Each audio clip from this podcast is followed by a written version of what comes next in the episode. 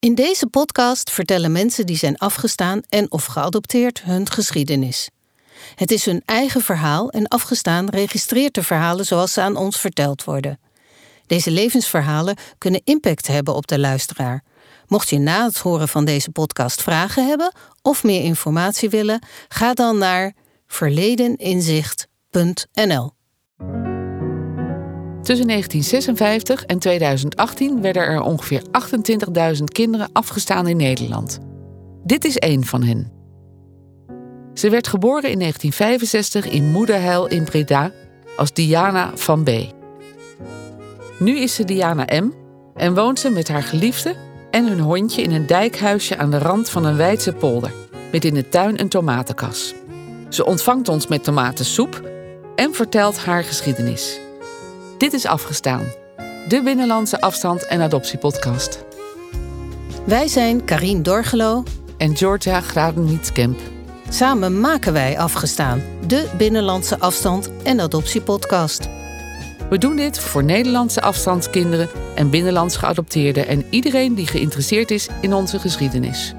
In iedere rechtbank, elk gemeentehuis, elke kerk en elk kinderthuis zijn stille getuigen aanwezig van die geschiedenis.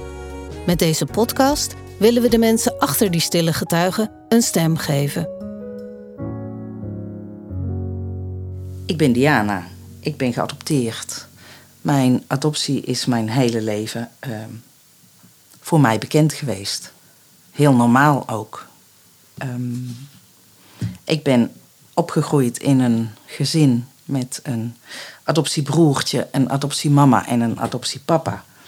Mijn adoptiepapa is overleden toen, toen ik tien was. En wij zijn eigenlijk als drie eenheid doorgegaan. En kan je iets vertellen, hoe was jullie band? Dus de band met jou en je ouders, of tussen jou en je ouders, en de band met je broertje. Die band was heel goed, die band was heel duidelijk. Wij wisten alle twee vanaf het vroegste begin dat we geadopteerd waren. Dat is helder, dat is fijn. Belangrijke dagen waren de verjaardagen, bijvoorbeeld. Want dan werd ook altijd eh, stilgestaan bij onze afstandsmoeders. Ehm, voor mij was dat heel gewoon. Ik begin een soort van nu te begrijpen dat het niet meer zo gewoon is. Maar dat waren belangrijke dagen, eh, kerst- en feestdagen. En ook dagen werd stilgestaan bij eh, de biologische mama's. Wij eh brandden een kaarsje, we hadden het erover. Diana, er is nog een mama die aan je denkt, in liefde. Dat. En dat gebeurde met Pasen, met kerst, verjaardagen. Ja, ik, ik weet niet beter. Ik weet niet beter. Alleen toen ik mijn eerste biologieles kreeg op de lagere school, toen had ik een aha-moment werkelijk. Ik leerde daar dat als ik niet uit mama's buik kwam, dan kwam ik uit een andere buik. Nou, dat was toch wel. Dit moest ik delen. Dus ik rende naar huis. Mijn eh, adoptiemama stond aardappels te schillen. En ik was zo overenthousiast. Mam, mam, nu wil ik weten hoe ik heet. Want als ik niet uit jouw buik kom, ik kom dus uit een andere buik. En mijn moeder, ja, hoe gaat dat met kinderen? Die legde, die legde de aardappel weg, denk ik. En die zei: Nou, Diana, als jij dat over. Ze gaf een termijn, ik weet hem niet meer.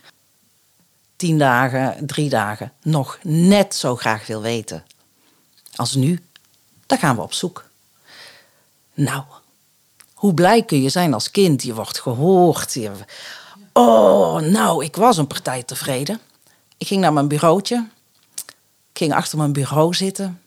Ik had mijn hoofd in mijn handen. Ik moest heel hard nadenken. Ik kreeg zelfs voor de eerste keer hoofdpijn van het nadenken. En toen dacht ik, stel nou dat ik dezelfde achternaam heb als mijn buurjongetje. Dan kan ik daar nooit meer leuk mee spelen. Toen ben ik naar mijn moeder gegaan. Heb gezegd, eh nee hoor, dan kan ik niet meer met Onno spelen. Nee, nee. Ik hoef het niet te weten nu. En toen zei ze, en als je het ooit wel wil weten, gaan we samen op zoek. Als je, als je uh, ter adoptie wordt aangeboden en je komt in een uh, gezin, dan moet daar natuurlijk controle op uitgeoefend worden. Dus wij hadden, uh, kregen een maatschappelijk werkster op zoek, een mejuffrouw S. Met uh, een bijbehorende bril, met pinogen, met een, een, een, een, zo'n scherp neusje, met een kokerrok, met ziekenfondsschoenen. En die kwam binnen. Nou, de haren stonden, stonden rechtop in je echt waar. En um, ik dacht ook altijd, ze kan me zo meenemen.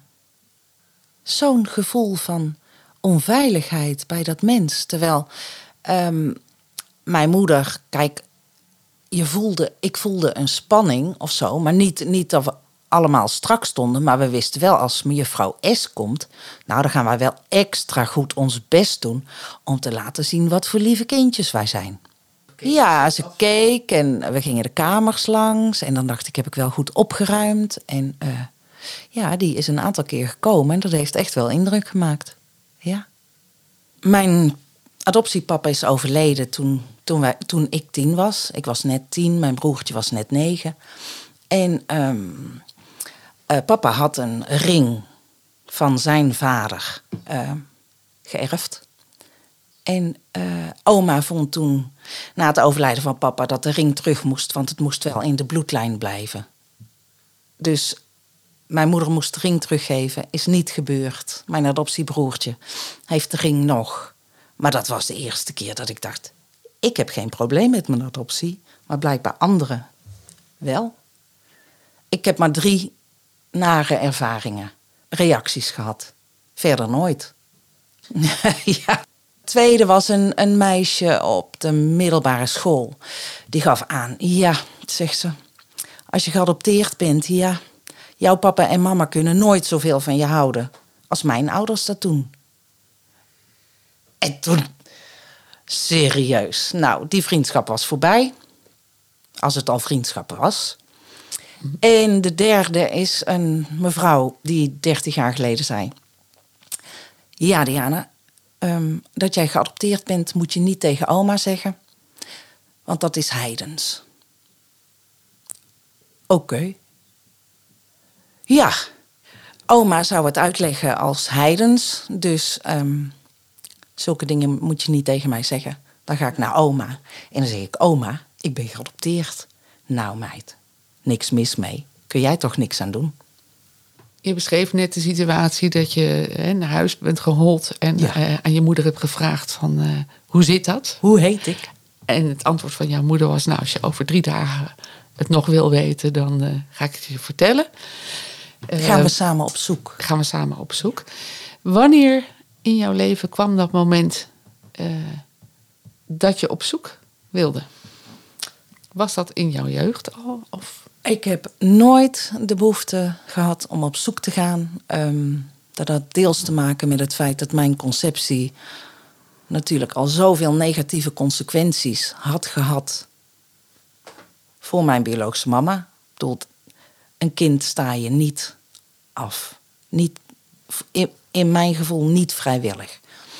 En um, ik wilde haar leven niet overhoop gooien. Ik had haar wel willen laten weten hoe het nu met me ging. En als ze contact had willen opnemen, zou willen opnemen, dat, dat, dat ik daar helemaal akkoord mee ben. Maar ja, ik moest naar de FIOM. Ik heb altijd tegen, me, tegen mezelf gezegd: ik ben in liefde verwekt. Dat gevoel heb ik ook. Wat was de aanleiding dat je opeens wilde gaan zoeken? Um, ik had er twee. Um, de eerste aanleiding was um, het boek van um, Schoot vol tranen. Uh, van Eugenie Smits van Waasbergen.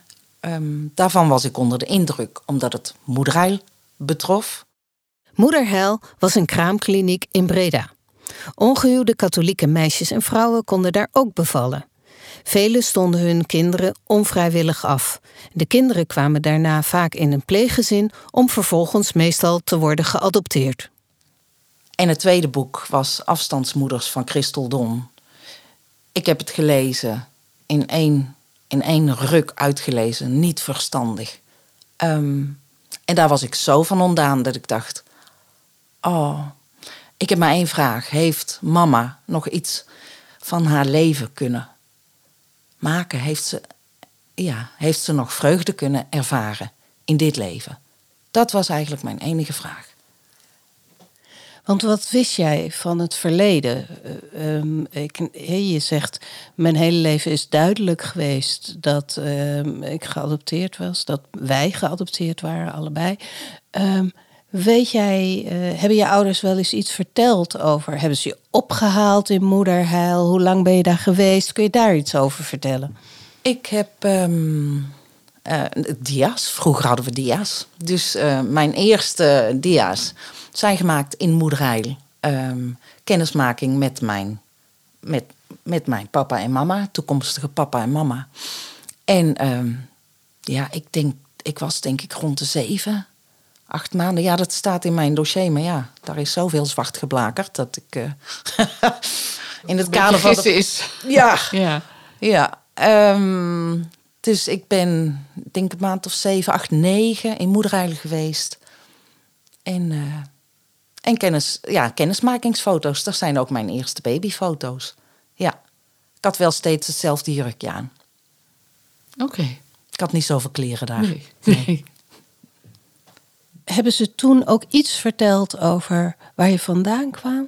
Ja, ik zou. Um, um, mijn biologische mama zou verloofd zijn geweest met een meneer. En die meneer vertrok toen mijn biologische mama zwanger van mij van mij bleek.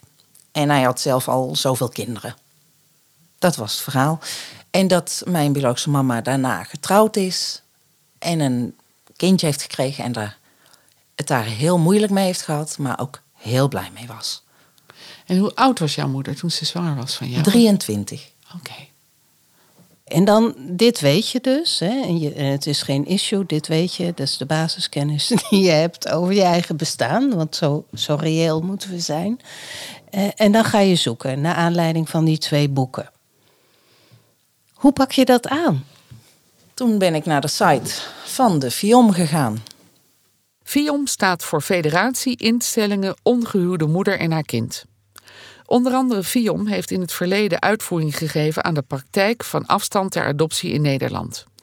Als je als ouder die een kind heeft afgestaan, als kind dat is afgestaan, of donorkind of vader je verwanten zoekt, begint je zoektocht vaak bij FIOM, omdat daar veel dossiers liggen. Ja, dat is de enige plek waar ik een zoektocht kan gaan starten. En um, Ik heb, ik heb al mijn aversie opzij moeten zetten. Ik heb dat ook gedaan. Het gaat niet om de film en wat ik daarvan vind. Ehm, dus toen, uh, inderdaad, toen heb ik, uh, heb ik uh, me aangemeld. De dag erop heb ik 85 euro betaald. Waarom moest je dat betalen? Um, Diana, een zoektocht kost geld. Oké. En 85 euro. Ze konden mij ook gelijk vertellen dat exact over 12 weken. Ja, ze zouden beginnen met mijn zoektocht. Ik vond dat eigenlijk heel moeilijk in de zin van: oké, ik ben 56 jaar nu. Ik heb een mama die 23 jaar ouder is. Ze kan er nog zijn, ze kan er niet zijn, maar ze kan er ook binnen deze termijn van drie maanden hè, mogelijk overlijden. En dan ben ik te laat. Toen hadden we een online meeting, mijn lief en ik, met een dame van de FIOM. Ik heb mijn aversie gedeeld over de FIOM. Alsof er een soort verantwoordelijkheid uh, zit van... Uh, jullie zijn mede verantwoordelijk voor wat er plaatsgevonden heeft. En hoe je het ook verschuilt achter tijd of tijdgeest. hele nare club. Maar mede verantwoordelijk voor wat precies? Ik denk het hele adoptieverleden. De adoptiegeschiedenis, de rol die ze erin gespeeld hebben. En nu ehm, echt oh, als overwinnaars mensen bij elkaar brengen.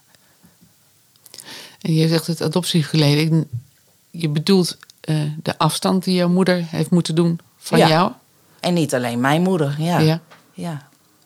Zij hebben daar een rol in gespeeld. Hey, en even terug naar het moment. Jij zei, ehm, ik ging met mijn lief, ehm, hadden we een belafspraak of een, eh, Ja, wat was het, een Zoom-meeting met een uh, medewerkster van de FIOM. Kan je ons meenemen naar dat moment? Ja hoor. Um, uitleg over wat FIOM uh, doet, hoe ze te werk gaan, wat ik wilde, naar wie ik op zoek wilde. En um, dat ze het dossier zouden toezenden. Hebben ze gedaan. Uh, het dossier heb ik ontvangen. Nou, het leek wel toeslagenaffaire. In het kader van de privacy bijna alles afgeplakt. Het enige wat ik uh, wel zag waren heel veel rekeningen.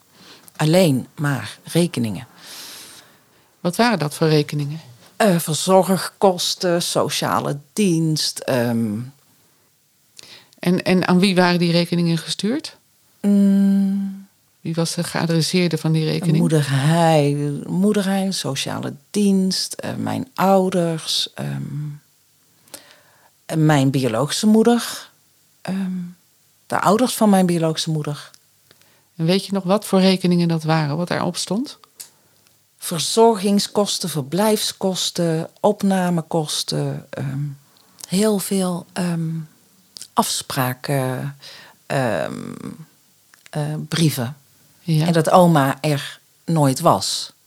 Dus dat, dat staat me meer bij dan de directe kosten voor uh, mijn biologische moeder en mijn oma. En dat oma er nooit was, kan je dat een beetje specificeren? Wat, wat... Ze kwamen langs van moederheil en uh, of ze wilden een afspraak maken. Oma uh, gaf niet thuis. Oma was er niet. Oma was er nooit. Oké, okay, en dat was de moeder van jouw biologische moeder? Ja. En die is ook nooit in moederheil um, geweest. Hm. En uh, enkel één zus van mijn biologische mama. Die wist van mij. Ja. En je krijgt dan uh, je krijgt dat dossier en dan krijg je zo'n pakket binnen. En, en heb je het direct gelezen? Ja, wij zijn het samen direct gaan lezen. En ik wist eigenlijk niet wat ik las. Als in uh, een groepsobservatie. Dat ik het gevoel had van wat hier geschreven is, klopt voor mijn gevoel niet. Los van het feit dat ik niks weet. Dus alles met een hele grote korrel uh, zout gelezen. Waar ik wel vreselijk om heb moeten lachen. Dat moet ik even opzoeken. Diana zoekt nu op haar telefoon en die is, uh, ik denk, een rapport van uh, wat ze heeft gekregen uit haar dossier aan het opzoeken. Om het juiste citaat, want citaten doen ertoe, uh, te pakken te krijgen. En volgens mij heb je het nu, hè, Diana? Ik heb hem. 2 november 1965. Aan de Raad voor de Kinderbescherming. Bevindingen uit het psychologisch onderzoek betreffende Diana van der B. Diana is een baby met blond haar en blauwe ogen. Ze heeft een breed voorhoofd en een smal toelopende kin. Ze is niet erg knap om te zien, maar wel grappig, omdat ze zo wakker is. De indruk die je van haar krijgt is bij de hand en actief. Het is een makkelijk kind, waarbij geen speciale gevoeligheden bemerkt zijn. Ja, weet je, voor mij, voor mij is moederheil moederhel. Echt. Op dat stukje, dat was ook het enige stukje waar ik echt van in de lach schoot. Dat ik, kijk, luister, voor mij is moederheil. Sommige mensen noemen het een babyfabriek. Dat was het niet. Ik ben niet verwekt in moederheil. Ik ben daar verhandeld. Het was een baby groothandel. Dat is het hele adoptieverhaal voor mij. Niet alleen van mij, maar moederheil was voor mij de baby groothandel. Dus je moet een baby wel leuk aanprijzen. Ook al heeft, die, heeft ze een breed voorhoofd en een spitse kin. En is ze niet knap. Je moet er toch een leuk verhaaltje van maken. Je moet ze toch kwijt. Zo heb jij dat gelezen? Ja. Ja. En met verbazing. Dat je denkt: ach, iemand krijgt het werkelijk uit zijn pen. Wat stond er in het eh, rapport over jouw moeder? Of stond er iets over jouw moeder? Of ging het Ja. alleen over jou? Nee hoor, ehm, een groepsobservatie waarin ehm, de rol van mijn biologische mama beschreven werd. Vond ik niet per se fijn om te lezen. Ehm, maar ook weer met een korrel zout. Van klopt dit, klopt dit niet. Dus eigenlijk alles wat ik lees, lees ik met in mijn achterhoofd van... Klopt dit wel? Ik denk dat meisjes, eh, moeders, ehm, niet per definitie goed afgeschilderd moesten worden. Dat was het gevoel wat je kreeg toen Ja, je voor de las. verslaglegging. Als bevestiging van zie je, nee, ze is niet geschikt. Er stond ook in mijn eh, dossier, en dat vond ik wel schokkend. ehm, op eigen verzoek is moeder nog één keer langs de baby gelopen. Het deed haar niks. Ja, dat is wel een hele scherpe observatie misschien. Of eh, is het interpretatie? Dat is de vraag. Maar ik. Nee, ook dat klopt niet qua gevoel. Nee, nee. Want waarom zou ze langs willen lopen terwijl het er niks doet? Precies. Ja. Nee, dat denk ik ook. Dus, dus ik vond dat een hele confronterende. Ehm, en wat ik ook in mijn dossier ehm, aantrof, en dat schijnt uniek te zijn of heel bijzonder, is een foto van mijn biologische mama. Ik begrijp van de film dat dat zel- ja, eigenlijk nooit gebeurt. Het is een foto, ehm, daar zitten ook. ehm, het is een foto ergens van een document afgehaald, want je ziet de ehm, niet-gaatjes zitten. En waarom zou een afstandsmoeder een foto bij een dossier voegen? Geeft hij zijn antwoord op? Ja, dan, dan wil, wil je daarmee dus iets doorgeven. Eh, als in, nou, dit ben ik. Eh, voor mijn gevoel ook van, ik heb dit niet gewild. Ik heb jou niet ehm, willen afstaan. Dat, denk ik. Eigenlijk alsof ze zich bekend maakte aan jou. Ja, ja. Ik had eh, het dossier gehad met alle zwartgelakte stukken. De FION moest er met twee mensen doorheen in het kader van de privacy. Dus ik wist dat er eh, weggelakt eh, zou worden. Ik wist alleen niet dat er zoveel onderblokjes zou verdwijnen. Rekeningen blijven wel. Observatie moeder ook echte informatie wordt zwart gemaakt. Dat wist ik. En ehm, toen vroeg ik of ze op zoek kon naar moeder en naar de zus van moeder. Dat kon, daar kreeg ik op te horen dat beide overleden waren. En ik kreeg dat te horen exact op de sterfdag van mijn biologische mama. Zij was acht jaar, exact op die dag daarvoor overleden. Dat vond ik zo bijzonder dat je van 365 dagen exact op die datum hoort dat ze toen is overleden.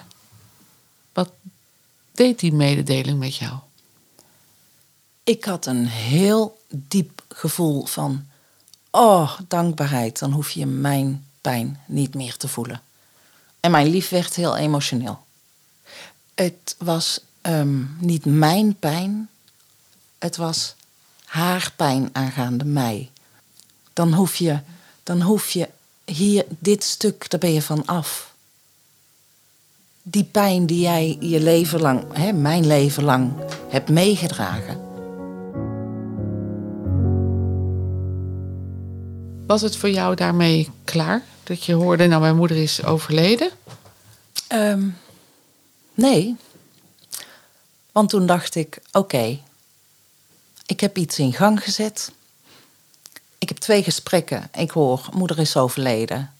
Haar zus is overleden. En dat was het dan. Dat kon het niet zijn. Dus toen heb ik gevraagd, ehm, is het mogelijk dat u op zoek gaat naar de echtgenoot van mijn mama? Mocht die nog leven? Ja, om aan hem de vraag te kunnen stellen van... heeft mama nog iets van haar leven kunnen maken? Is ze nog gelukkig geweest? Dat.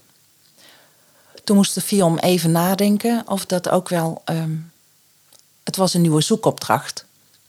Dus misschien moest er alsnog 85 euro afgetikt worden. Oh, wat erg. En, ehm, maar ze, ze zou een goed woordje doen en eh, waarschijnlijk kon dat wel. En toen vroeg ik, moet ik dan weer twaalf weken wachten? Maar nee, dat, dat was niet nodig. Ehm, toen is eh, vader, de echtgenoot van mijn moeder, gevonden. Toen ehm, ging de Fion brieven schrijven. Brieven? Ja, je krijgt drie mogelijkheden. Dus er wordt een brief geschreven ehm, vanuit de FIOM. Dat de inhoud van de brief is denk ik al 50 jaar hetzelfde. Ik heb hem zeven keer moeten lezen om te begrijpen. Oh, ik denk dat ik op zoek ga naar. Dat staat er in die brief. De brief is verzonden in ehm, augustus, september, denk ik. Ik hoorde niks. Toen kreeg ik van de FIOM te horen: Nou, we hebben nog een kans. We gaan nog een brief sturen. Prima. Luister, eh, is het dezelfde brief? Ja, misschien met. eh, dit is de tweede brief. en, ehm, en die is ook verzonden. Ja, daarvan kon ik ook verzinnen. Daar gaat niemand op reageren. Nee. En toen hadden we een laatste kans. Dat was eh, in januari van het jaar erop. En ik mocht een persoonlijk schrijven eh, eraan toevoegen. Een persoonlijke brief. Dus die heb ik genoemd Brief voor de echtgenoot. Ik ben ook gelijk met de deur in huis gevallen. Ehm, maar mijn persoonlijke brief moest wel beoordeeld worden door de FIOM. Want er gaat niet zomaar een brief uit, Diana. Want ik kan wel eens heel boos zijn. eh, en hele lelijke dingen schrijven naar de echtgenoot van mijn mama. Dus Diana, ja, wij gaan hem echt beoordelen. Hoe vond je dat? On, onwaarschijnlijk. Dit is mijn brief aan de echtgenoot van mijn biologische mama. Ik weet niet of u van mijn bestaan weet. En zo niet, dan kan ik mij voorstellen dat dit bericht u massief overvalt. Op geen enkele manier wil ik u kwetsen of u het gevoel geven dat ik u onder druk zou willen zetten. Uit respect voor mijn biologische moeder ben ik nooit eerder op zoek gegaan. Voor mijn gevoel had mijn conceptie al te veel teweeggebracht, in negatieve zin. En wilde ik haar niet nog meer belasten. De informatie van de maatschappelijk werkster destijds was dat mijn biologische moeder nadien trouwde en beviel van een baby die zij wel mocht behouden. Ook dat zij daar tijdens de bevalling heel veel moeite mee heeft gehad en dat is zo verdrietig. Het is zo niet juist wat er destijds heeft plaatsgevonden. Ik heb mijn biologische mama nooit iets kwalijk genomen en zal dat ook nooit doen. Mijn enige vraag aan u is of zij, mijn mama, toch nog blijdschap en vreugde heeft mogen ervaren in dit leven na mijn geboorte. Ik hoop het zo in liefde. Omdat ik ter adoptie ben aangeboden, heb ik geen enkele babyfoto van mijn tijd in moederheil. Nu is er één verzorgster die destijds een plakboek heeft gemaakt met foto's van de baby's waar zij voor zorgde. En daar heb ik mijn eerste babyfoto in aangetroffen. Als geadopteerde kom je blanco ter wereld. Er is niets bekend over de reden van afstaan, niets bekend over eventuele familiaire ziekten en aandoeningen, geen foto's, geen geboortekaartje. Niemand was blij met mijn komst destijds. Ik mocht er niet zijn. Een ongehuwde zwangerschap die nooit had mogen plaatsvinden. En toch zijn zij er, zijn wij er en dat in grote getalen. Zoals u hopelijk begrijpt, wil ik u niet lastigvallen. Ik hoop enkel dat u de moeite kan en wil nemen om mij te laten weten of mijn biologische mama na mijn geboorte haar leven nog heeft kunnen oppakken en gelukkig heeft mogen worden. Het gaat u en uw dierbare goed. De brief is dus aangetekend verstuurd door de FIOM. En wat gebeurde er toen? Kwam een reactie? De brief is verstuurd. Uh, twee dagen later hoorde ik dat uh, de brief was ontvangen. Aangenomen dan. En toen was het weekend. En dan ga je in je hoofd wel bedenken van... Um, hij is ontvangen. Wordt hij gelezen? Hoe wordt hij ontvangen? Ik bedoel, ik sta ook ineens op de stoep. Ja. Het moet voor hun ook wat zijn. En op maandag, na het weekend, belde de mevrouw van de FIOM met een heel verhaal. En ze had mijn broer gesproken. En uh, die had heel veel informatie gegeven. Die had een heel uh, fotoboek, als het ware, fotocollectie van uh, mijn mama voor mij ehm, samengesteld. Met wanneer ik hem mocht bellen en dat ik altijd mocht bellen. En ik was helemaal beduust. Ik was totaal beduust. En ook heel blij. Toen heb ik mijn broer geappt met de vraag: mag ik je vanavond bellen? Ik heb hem gebeld en het allereerste wat ik zei was: Oh, nou spreek ik iemand met wie ik geen deel. En dat is uniek. Ik heb dat nooit eerder ervaren. Ik heb natuurlijk geen kinderen. Heel bewust. Volgens mij ook door mijn adoptie. Want ik vind het ongelooflijk knap dat geadopteerde kinderen kunnen krijgen. Maar iemand spreken met dezelfde genen. Oh, ja, niet uit te leggen. Heel fijn. En het, het voelt ook heel vertrouwd. Het luistert heel vertrouwd. Direct. Onmiddellijk, ja. Maar gewoon iemand spreken. Ja.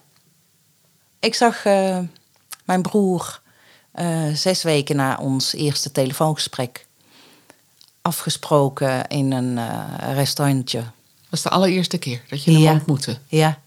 En ik had een paar weken daarvoor een foto van hem gezien. En wij waren iets te vroeg. En er komt een jongen aan fietsen en ik zeg, dat is hem, zeg ik tegen mijn lief. Ik zeg, er is hij. En hij kwam binnen. Ik deed de deur open. Of ik deed de deur open en hij kwam binnen. En ik zei, mag ik even je arm voelen? en dat was ook zo fijn. Ja. En ook voor hem is dat raar, natuurlijk. Ja, want hij heeft opeens een zus. Ja, en praten met iemand met wie je gene deelt. Hij wist niet van jouw bestaan? Um, ze wisten heel ver ergens waarschijnlijk wel van mijn bestaan. Want mama was zwanger, die was van de trap gevallen. Ik was dood en ik was een meisje.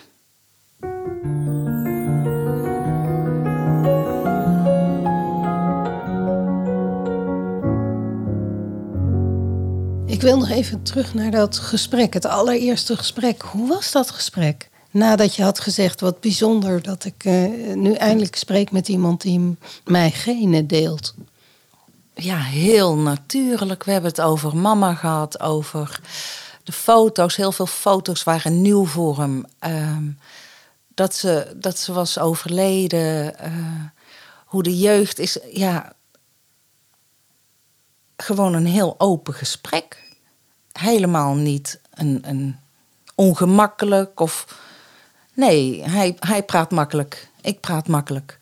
Ja ik, het vertrouwde gevoel. Het gewoon een fijn gevoel. Prettig, prettige stem om naar te luisteren ook. En geïnteresseerd in elkaar. Gaandeweg wordt mij duidelijk hoe dicht we bij elkaar geweest zijn. Mijn biologische mama en ikzelf. En dat we elkaar bijna ontmoet moeten hebben, omdat we in dezelfde straat, bijna dezelfde huizen, geweest zijn. Waar mijn moeder woonde in een dorp ben ik veel later gaan wonen. Waar zij is gaan wonen met haar man en kinderen. Daar kwam ik om mijn adoptiebroer en zijn gezin te bezoeken. Ik ging rechtsaf naar mijn adoptiebroer. En linksaf woonde al die tijd mijn biologische familie, mijn biologische broers. Uh, het feit dat moederheil er zo bij de plaatsing totaal niet de moeite voor heeft gedaan om ontmoetingen te voorkomen. Ik weet nog dat mijn adoptiemama heel blij was dat eh, mijn lief uh, van Indische afkomst was. Want dan had ik nooit met mijn biologische broer uh, een relatie kunnen hebben. En daar heeft moeder Eile ook niet over nagedacht. Je zal maar verliefd worden op je broer of op je zus. Hoezo kan dat niet? En zeker als er de moeite niet is gedaan om uh, ontmoetingen te voorkomen. En toen um, vader wilde mij ook ontmoeten. We hebben het allemaal heel rustig aangedaan. Dus er zitten gewoon zes, zes weken iedere keer tussen. Dus, um, en dat is de man van de brief? De echtgenoot van mijn mama. Ja. ja. En um, we hadden om drie uur afgesproken. En uh, om kwart voor drie zat ik nog in de auto. Ja, we zijn er al. En uh, ik zeg, kom maar aan. En mijn broer komt me halen bij de ingang. Want ja, het was zo afgeladen vol. En ik liep het terras op en ik keek de vader van uh, mijn broer op de rug. En ik, um, ik ging naast zijn stoel staan en ik legde mijn hand op zijn schouder. Voor mijn gevoel duurde het een eeuwigheid dat ik hem in zijn ogen kon kijken. En toen zei ik: Oh, u bent de man die van mijn mama gehouden heeft. En toen zei hij: Dat doe ik nog steeds. Wij proberen nog steeds samen de puzzel te leggen. Dus vanaf het moment dat ik hem ontmoet heb op dat terras, ja. bezoek ik hem wekelijks. Iedere week. Ja. Mooi. Ja. ja. En dat is heel fijn. En helend. Ik vind deze hele reis helend. En dat had ik nooit kunnen bedenken. Nee. nee. Je houdt met alle scenario's rekening. Ze kunnen niet reageren, ze hoeven ook niet te reageren. Maar zo'n omarming, zo'n welkom, ja, zo welkom geheten worden en zoveel informatie over mama willen vertellen. En wat voor mama ze was en hoe lief ze was. Ja, dat hoor je. Daar word ik wel blij van. Ik, ik ben op dit moment gewoon al puur zo dankbaar met, met de informatie die ik nu krijg en steeds krijg. En um, foto's die gedeeld worden, parfumflesjes. Uh. Wat denk je dat het voor jouw broers betekend heeft dat jij opeens in hun leven bent? Ook een puzzel leggen en ook helend. En ook ja. antwoord krijgen op vragen waarom zijn dingen gegaan zoals ze gegaan zijn. Ja. ja. En er is echt wel veel gebeurd. Waar ook nu uh, ja, antwoord op komt. Ja. Ik, ja, voor mij is het helend. Ik, ik, ik denk voor hun ook. Ja. Denk je dat je ooit uitgepraat raakt met ze? Nou, voorlopig niet. Nee, nee. nee. En met liefde bezoek ik um, de vader van mijn broers iedere week. En het gaat helemaal niet, net als in het begin, anderhalf uur over mama. Maar gewoon ook over ja, wat er gebeurt in het leven. Of ik neem eten mee. Uh, gewoon leuk. Voelt fijn. hij ook vertrouwd voor jou? Ja. Ja? Ja. ja. Heel vertrouwd. En um, ja, ik ga ervan uit dat het mijn vader niet is. En, um, en dat is goed. En zou die het wel zijn, is het ook goed. Maar je zei van. Um, ik, het was de eerste keer dat ik iemand uh, zag waarmee ik genen deelde. Ik heb bewust geen kinderen. Wil je daar iets meer over vertellen? Want dat leeft denk ik ook heel erg bij ons in de gemeenschap. Ik weet nog. Kijk, ik heb nooit kinderwens gehad. Bewust. Um, toen mijn broer en zijn vrouw in verwachting waren van de eerste. Je hebt het nu over je adoptiebroer. Mijn adoptiebroer. Toen dacht ik echt, oh, wauw, dat is, dat, dat hij dat durft. Ik denk, ja, als jongetje zou ik het misschien wel durven, maar als meisje, eh, nee. Nee, ik denk dat voor mij um, heeft mijn adoptie daar zeker daar zeker invloed op gehad. Zo bang om in verwachting te raken, zo bang om een baby te krijgen en dan die negen maanden door moeten komen en dan toch terugdenken aan toen. Voor, voor mij lag dat scenario ook soort van klaar. Bij voorbaat, in mijn hoofd, in mijn hart.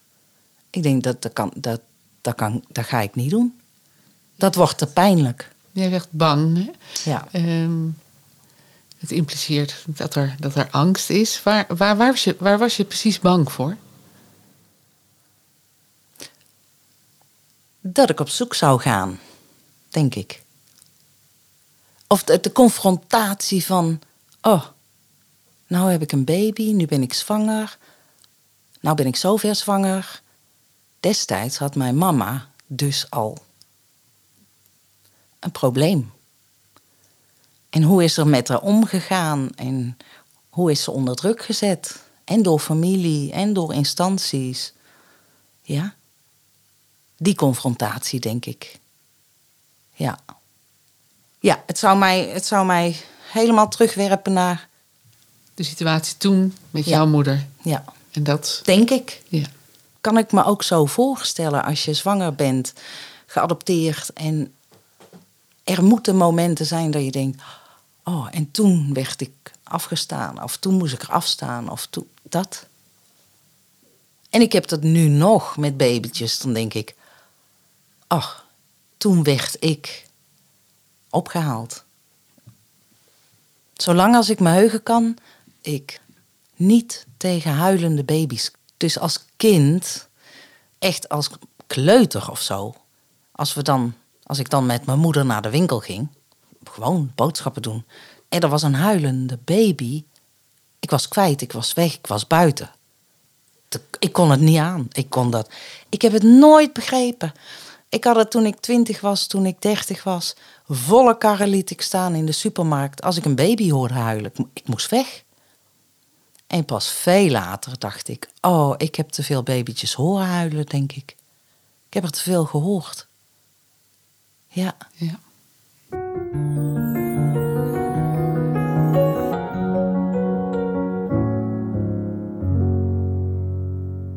Wat is voor jou de invloed op jouw leven van het afgestaan zijn?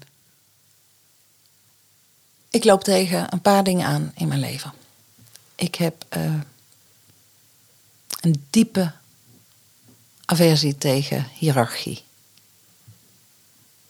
Ik heb een diepe aversie tegen de kerk, het geloof. En ik moet er nog één hebben, maar daar moet ik even over nadenken. Ja. Oh, dat was de derde. Maatschappelijk werk. ja. Kun je iets vertellen over die, over die aversie? Wat heeft dat te maken met jouw afgestaan zijn?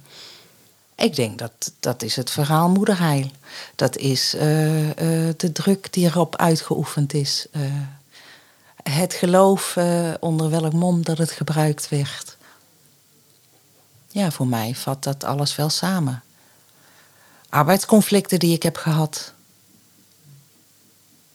Ik vond dingen niet eerlijk gaan. Ik heb een hoog rechtvaardigheidsgevoel. Ja, dat. Ik kan niet tegen onrecht. En als ik, eh, nu ik meer en meer te weten kom over deze ongelooflijke geschiedenis met zoveel impact voor zoveel betrokkenen, dit had nooit mogen gebeuren. En wat ik toen ook in het boek Schoot vol tranen las eh, in Moederheil, dat er een borrel werd gegeven omdat ze nog nooit zoveel babytjes hadden. Op dat moment, als op dat moment. Ja, dat bevestigt dan ook voor mij de babygroothandel. En daar zijn zoveel partijen, inclusief politiek en kerk, en noem ze maar op, alle foute instanties. Ja, dit had nooit mogen gebeuren. Hoe goed je ook terecht bent gekomen, hè? of in mijn geval dan. Ik heb informatie gekregen die ik echt anders nooit had kunnen krijgen. Ik ben heel dankbaar met, met alle moeite die ze doen om mij te informeren over mama. Wij gaan eh 56 jaar nooit inhalen. Maar we kunnen er nu alleen maar het beste van maken. En dat doen we. En we zijn nog steeds de puzzel aan het leggen. Doe ik met, met de vader van mijn broers. Doe ik met mijn broers. Eh, en voor hun valt er dus ook een puzzel te leggen. Want ineens worden uh, gedragingen ook duidelijk. Gedragingen van wie? Van mama. Dat ze denken, hé, hey, hoezo een kaarsje opsteken in de zomer? De mussen vallen van het dak. Uh, dat was? Ja, ik, we denken mijn, mijn geboortedag, ja. Je bent in de zomer jarig. Ja, ja, ja. Kaarsjes steek je in de winter aan, niet in de zomer, mam. Ja, dus wel. Ach jongen, jij weet niet voor wie dat is. En als je, heb je dat eh, wel eens gevraagd aan je broers? Ehm, hadden zij, eh, zijn zij opgegroeid uh, dus met het verhaal van de eerdere zwangerschap en van de trap gevallen, een overleden meisje? Ehm, maar hebben zij, hebben zij van je moeder verder iets gehoord? Of zijn zij opgegroeid met geheimen daaromtrent? Nee, geen, geen informatie. Geen informatie, gewoon stilgehouden. Ja. ja niet meer over, ja, nooit over gepraat. Nee. En mogelijk is ze zo ook wel weggestuurd in moederij van nou, zeg maar dat het dood is. Je hebt nog niet gehoord dat er, uh, dat er in de familie, uh, dat een nicht of een tante zei, oh ja, maar dat wisten wij wel, dat er nog een ehm, kind was. De, de zus van mijn moeder, die heeft het per ongeluk tegen haar dochter verteld. Ooit. Maar die mocht er niet over praten. En toen mijn broer zijn nicht belde dus. Toen zei ze, dat klopt, mama heeft dat gezegd. Ja. Dus toen was het voor mijn broer ook gelijk duidelijk. Uh, Diana is er en het klopt. Een soort bevestiging. Ja, we hebben geen DNA nodig. Dit verhaal klopt. Ja. Waarom heb jij uh, je verhaal aan ons willen vertellen? Het is eigenlijk voor mij zo ongelooflijk dat dit zo niet bekend is. Aan de andere kant moet ik zelf ook zeggen, ik ben ze ook nooit tegengekomen die geadopteerden. Um, ik denk dat het van belang is dat hier um, ruchtbaarheid aangegeven wordt. Het gaat om zoveel vrouwen, zoveel kinderen, zoveel families. En dat het veel meer mensen betreft dan wij ons voor kunnen stellen. En dat als ik het nu vraag aan mensen van, goh, Kent u meisjes destijds, jonge vrouwen, die ineens weg waren voor een hele poos? Jazeker. En dan blijkt het dus wel bekend te zijn en te leven. Alleen uh, het collectieve geheugen verdampt vrij snel. Het wordt tijd dat er aandacht voor komt. En uh, de afstandsmoeders die, uh, die verdienen een stem, die verdienen gehoord te worden. De kinderen ook, zonder meer. Mijn ervaring is dat het, ondanks al mijn bezwaren, ehm, die ik dus opzij heb moeten zetten, dat het een hele helende reis is geworden. En dat ik anderen dat ook gun. Ja, ik gun dat in ieder. De podcast Afgestaan is gemaakt door Georgia Kranenwietskamp en Karin Dorglo. De editing werd gedaan door Constantin Johannes bij The Sound Republic. De muziek is Ruth uit 2021 van Duke Harrington te vinden op Epidemic Sound Open Spotify. Als je onder de indruk bent van deze podcast, wil je hem dan delen via je socials? En als je ons 5 sterren geeft, kunnen anderen ons beter vinden. In de show notes kun je meer informatie vinden over Stichting Verleden in Zicht voor Nederlandse afgestaanden en binnenlands geadopteerden en over de andere onderwerpen die in deze aflevering ter sprake kwamen. Wij maken deze podcast omdat we dit belangrijk vinden. Vind jij dat ook? En wil je ervoor zorgen dat we dit kunnen blijven doen? Dan kun je ons helpen met een kleine of grote donatie. Ga hiervoor naar de website verledeninzicht.nl.